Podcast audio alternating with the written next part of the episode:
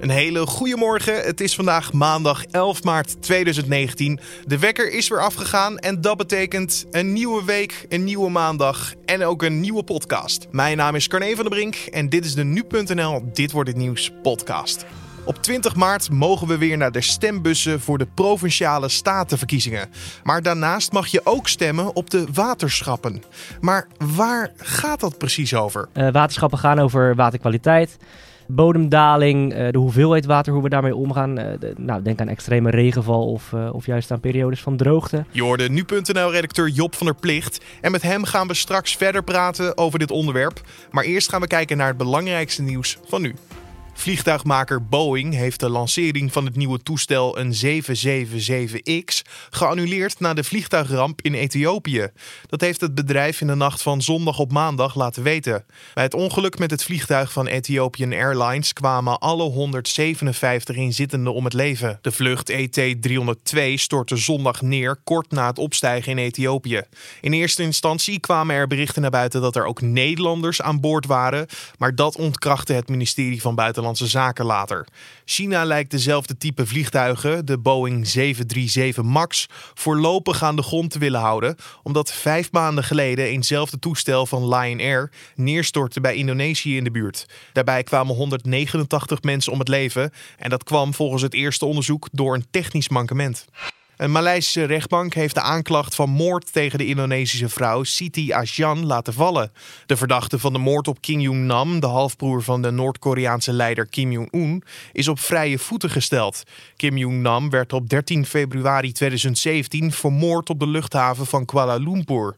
Twee vrouwen zouden daar zenuwgas in zijn gezicht gesmeerd hebben. Ze zeggen onschuldig te zijn en hun verhaal is dat ze meewerkten aan een reality tv-grap. Ze kunnen de doodstraf krijgen als ze schuldig bevonden worden. Het proces tegen de vermoedelijke moordenaars van Kim Jong-nam zou vandaag hervat worden.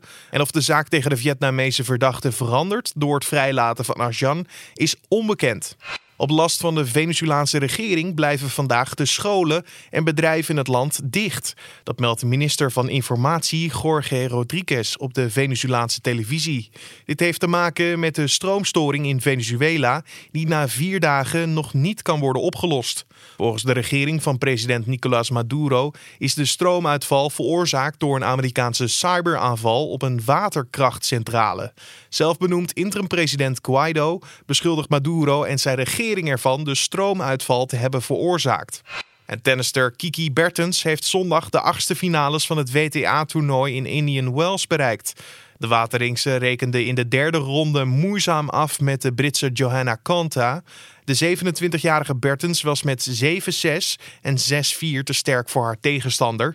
voor Bertens is het de eerste keer dat ze de achtste finales bereikt in Indian Wells. Haar beste prestatie bij dit prestigieuze toernooi leverde ze in 2017, toen ze de derde ronde haalde. Vorig jaar werd Bertens in de tweede ronde van Indian Wells nog uitgeschakeld door Serena Williams. Daardoor heeft de kopvrouw van het Nederlands tennis dit jaar niet veel punten te verdedigen en kan ze mogelijk stijgen op de wereldranglijst. En dan kijken we naar de dag van vandaag, oftewel dit wordt het nieuws. Op 20 maart mogen we weer naar de stembussen. En ik zei het al, ditmaal voor de provinciale statenverkiezingen. Maar als je naar je stempas kijkt, het is er niet één, maar het zijn er twee. Want je mag ook stemmen op de waterschappen. Maar waar gaat dat precies over? Hierover gaan we praten met nu.nl-redacteur Job van der Plicht. Want het zegt je misschien niets, de waterschappen, maar ze zijn essentieel voor Nederland. Ja, zeker wel. Ja. In Nederland hebben we natuurlijk erg veel water. Uh, sowieso rivieren, maar ook slootjes en, en meren. Daar, daar zijn we goed in om dat, uh, om dat te creëren. In de loop van de, van de eeuw hebben we dat gecreëerd. En um, ja, we hebben dus veel water. Uh, waterschappen gaan over waterkwaliteit. Bodemdaling, de hoeveelheid water, hoe we daarmee omgaan. De, nou, denk aan extreme regenval of, of juist aan periodes van droogte. Um, ja, daarom zijn de waterschappen essentieel. Ja, en we dragen natuurlijk allemaal wel ons steentje bij door middel van waterschapsbelasting. Maar waarvoor betalen we dat? Ja, misschien een beetje een flauw antwoord, maar eigenlijk ook daarvoor. Om, om, dat kost natuurlijk geld. denk bijvoorbeeld aan een dijk die, die onderhouden moet worden. Of het, water, het grondwater wat op peil gehouden moet worden. Ja, dat, dat, dat, gebeurt niet vanzelf. Daar zijn mensen voor nodig, daar is apparatuur voor nodig. Dat kost geld. En dat geld dat, dat wordt verzameld via de waterschapsbelasting. Ja. 20 maart mogen we dus stemmen op de waterschappen. Maar hoeveel invloed heeft onze stem nou? Nou, voor een, voor een deel. Ehm, het dagelijks bestuur van de waterschappen, dat bestaat voor een deel uit geborgde zetels, zoals dat heet. Uh, voor een deel uh, uit zetels die, uh, die wij kunnen kiezen. Die geborgde zetels, die kunnen we dus niet kiezen. Dat zijn natuurorganisaties die daar, daarop zitten, bedrijven, boeren.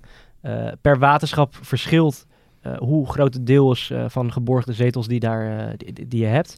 Um, maar je moet ongeveer denken aan een, een derde, een kwart van de zetels is geborgd. Um, dus ja, ons, ons, aandeel, uh, ons stemaandeel is beperkt. Maar we kunnen zeker wel invloed uitoefenen op het dagelijks bestuur. Ja. En de rol van de waterschappen wordt natuurlijk ook steeds belangrijker door de klimaatverandering. Um, daar zeg ik niks verkeerds, toch Job? Nou ja, denk alleen al aan, um, aan de afgelopen zomer, die erg droog was. Het was natuurlijk uh, twee, drie maanden, viel er bijna geen regen. Um, ja, daaraan merkte je, uh, normaal gesproken ging, uh, ja, verliep het werk wat de waterschappen deden, verliep vrij uh, anoniem. uiteraard wisten de waterschappen zelf heel goed waar ze mee bezig waren. maar voor de normale mens was dat niet zo zichtbaar. Nou, met die droogte werd dat heel goed zichtbaar, omdat ineens het grondwaterpeil een, een, probleem werd. Dat, dat zakte door de droogte naar, naar een te laag niveau. Um, ja, ja, dat soort periodes, dat gaat, uh, gaat vaker voorkomen door de klimaatverandering. Maar ook extreme regenval. Uh, dat is ook een, uh, een mogelijkheid die ontstaat door de klimaatverandering. Um, ja, daar, daar, daar moeten de waterschappen ook op gaan inspelen. Want het kan ineens zo zijn dat je op één dag dat er heel veel water valt en dan vervolgens dus twee maanden niet. Nou, dat, dat moet je goed verdelen, dat water. daar ligt een rol voor de waterschappen die heel belangrijk is. Ja, en daarbij hoort ook de term bodemdalingen. Ja, zeker ja. Kan je ja. daar iets meer over vertellen? Daar kan ik iets meer over vertellen, ja. Uh, op het moment dat, um, uh, dat uh, veengrond, dat hebben we in Nederland erg veel, dat die droog valt, dan um, verbrandt dat. Als, als veengrond in contact komt met zuurstof, dan verbrandt het. Oxideren heet dat, met een, een, een moeilijk woord. Um, op het moment dat die veengrond verbrand is, uh, keert hij niet meer terug. Ja, over hele lange tijd, maar uh, niet uh, in, in, een aantal jaar. Um, ja, die veengrond is weg. dat betekent dus minder bodem, dus bodemdaling. Uh, op die manier heeft, uh, uh, heeft de klimaatverandering ook gevolgen op de bodemdaling. Als dus veengrond droog komt te liggen, dan zakt de bodem. Nou, ik gebruik deze term ook omdat jij specifiek bij iemand langs bent geweest die hiermee te maken heeft. De bodemdaling. Um, kan, kan je vertellen waar je naartoe bent geweest, met wie je hebt gesproken en wat je hebt gezien? Ja, zeker. Er zijn best wel wat mensen die, en best wel wat is misschien nog een ander statement, maar er zijn best wel wat mensen die te maken hebben met bodemdaling in Nederland. Ik ben langs geweest bij Marius Schaarman. Een man die in het Zuid-Hollandse Boskoop woont. Uh, bekend misschien wel van, uh, van de, de tilt. Um, en uh, die man die heeft inderdaad last van, van bodemdaling. Hij woont op een veendijk. En nou, dat is dus het veen waar ik het net over had. Als dat droog komt te liggen, en dat is in zijn geval gebeurd, um, ja, dan, dan zakt de bodem, omdat het, het veen ja, weggaat. dat is dus gebeurd. zijn huis is daardoor verzakt.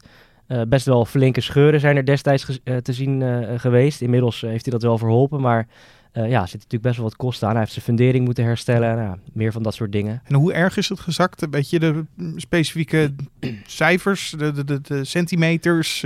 Nou, het, het, is zo dat, dat de grond in die gebieden altijd zakt. Dat is een gegeven in Nederland, dat, is, dat wist hij ook, dat is bekend. Dus hoeveel het totaal is gezakt ja. uh, in de tijd dat hij daar woont, dat weet ik niet. Maar hij had het over dat het op een gegeven moment in vijf jaar tijd 8 centimeter was gezakt. Zo. Nou, dat is natuurlijk wel, uh, dat is wel een flink verschil. Ja, ja ik, ik zie dan gelijk een soort Venetië vormen. Maar het kan dus ook in Nederland. Zeker. En uh, dat beeld hè, van hoeveel mensen hiermee te maken hebben. Daar, zijn nu, daar is nu wel iets meer over bekend, toch? Ja, daar is inderdaad meer over bekend. De organisatie uh, uh, Kenniscentrum Aanpak Funderingsproblematiek, KCAF, um, die heeft dat op een rijtje gezet. Het zijn ongeveer 400.000 woningen die daar, daarmee te maken hebben. of in ieder geval in de toekomst daarmee te maken hebben, de nabije toekomst. Nou, dat is best wel een aantal, ja. Ja, want los van het feit dat je je, je huis gewoon langzaam wegzakt, dat idee kan je hebben als je het een beetje changeert gaat zeggen. Je hebt ook te maken met kosten, met renovatiekosten die best wel flink kunnen oplopen, toch? Nou, zeker ja. Als je huis verzakt, dan betekent dat dat er scheuren ontstaan, wat ik net zei. Uh, bij de man bij wie ik geweest ben in Boskoop, uh, betekende dat dat er water onder zijn woning kwam te staan. Hij moest uh, 20 tot 25 liter water per dag onder zijn woning wegzuigen. Dat is best wel, uh, best wel uh, een grote hoeveelheid. Nou, dat moet verholpen worden. De fundering moet hersteld worden. Ehm, het, uh, het KCAF heeft uh, uitgerekend dat dat per, per woning ongeveer 50.000 tot 100.000 euro gaat kosten. Dus een, een, halve ton tot een hele ton. Nou ja, dat is best wel wat geld voor huiseigenaren. En moet hij dat zelf uit zijn eigen spaarrekening bekostigen? Of is daar een fonds voor? Een, de gemeente? Wie springt erin? Ja, dat is doorgaans voor de mensen zelf, ja. Dat is niet niks. Nee. Dan neem ik aan dat dit een enorme verrassing voor hem was. Ja, zeker. Ja. Hij heeft natuurlijk altijd wel rekening gehouden met dat zijn uh, woning uh, kon verzakken uh, voor een deel. omdat, nou, hij woont op veengrond, dat, dat wist hij van tevoren. Maar ja, dat, dat hij daar 35.000 euro extra voor moest betalen, dat kwam voor hem natuurlijk wel als een grote verrassing. En dat zal ook gelden voor de 400.000 andere woningeigenaren die daar in, in Nederland in de toekomst mee te maken gaan krijgen. Toch wel het belang ook van de waterschappen. Uiteindelijk wel, ja. Het, is aan de waterschappen om, om goed om te gaan uh, met die bodemdaling dan dus in dit geval. En, en daar goede uh, maatregelen uh, voor te verzinnen. Ja, dus in die zin komt het bij de waterschappen dan terecht die daar op die manier goede oplossing voor moeten vinden. Je hoorde nu.nl-redacteur Job van der Plicht. En Job heeft ook een achtergrondartikel geschreven over de bodemdaling en wat waterschappen nou precies inhoudt. Die komt vanmiddag op nu.nl en die kan je natuurlijk lezen op de site en app. En minister van Buitenlandse Zaken Stef Blok brengt vandaag een gepland bezoek aan Hongarije. De gemoederen tussen Nederland en Hongarije zijn enigszins bekoeld nadat een Nederlandse delegatie van de Tweede Kamer niet welkom was om een werkbezoek aan Hongarije te brengen aan het parlement. Blok zegt dat hij tijdens zijn bezoek de Nederlandse zorgen over de persvrijheid en de rechtsstaat in Hongarije over zal brengen. De Hongarijse president zal naar verwachting juist pleiten voor minder bemoeienis van Nederland. En Twitter gaat het beleid dat het voert over transparantie rond advertenties vanuit de VS ook uitrollen over de EU. Met een speciale tool kan informatie over advertenties op Twitter bekeken worden. Zo ontstaat er inzicht over wie een advertentie heeft ingekocht, hoeveel er is betaald en wat het doelpubliek is. Om deze informatie in te zien is er geen Twitter-account vereist. Dan nog even het weer. Het wordt weer koud vandaag met harde windstoten en buien. De temperatuur loopt op naar ongeveer 7 graden. En dit was dan de Dit wordt het nieuws podcast voor deze maandag 11 maart 2019. En als we ons niet hebben verslapen, staat de podcast elke maandag tot en met vrijdag om 6 uur ochtends op de voorpagina van nu.nl.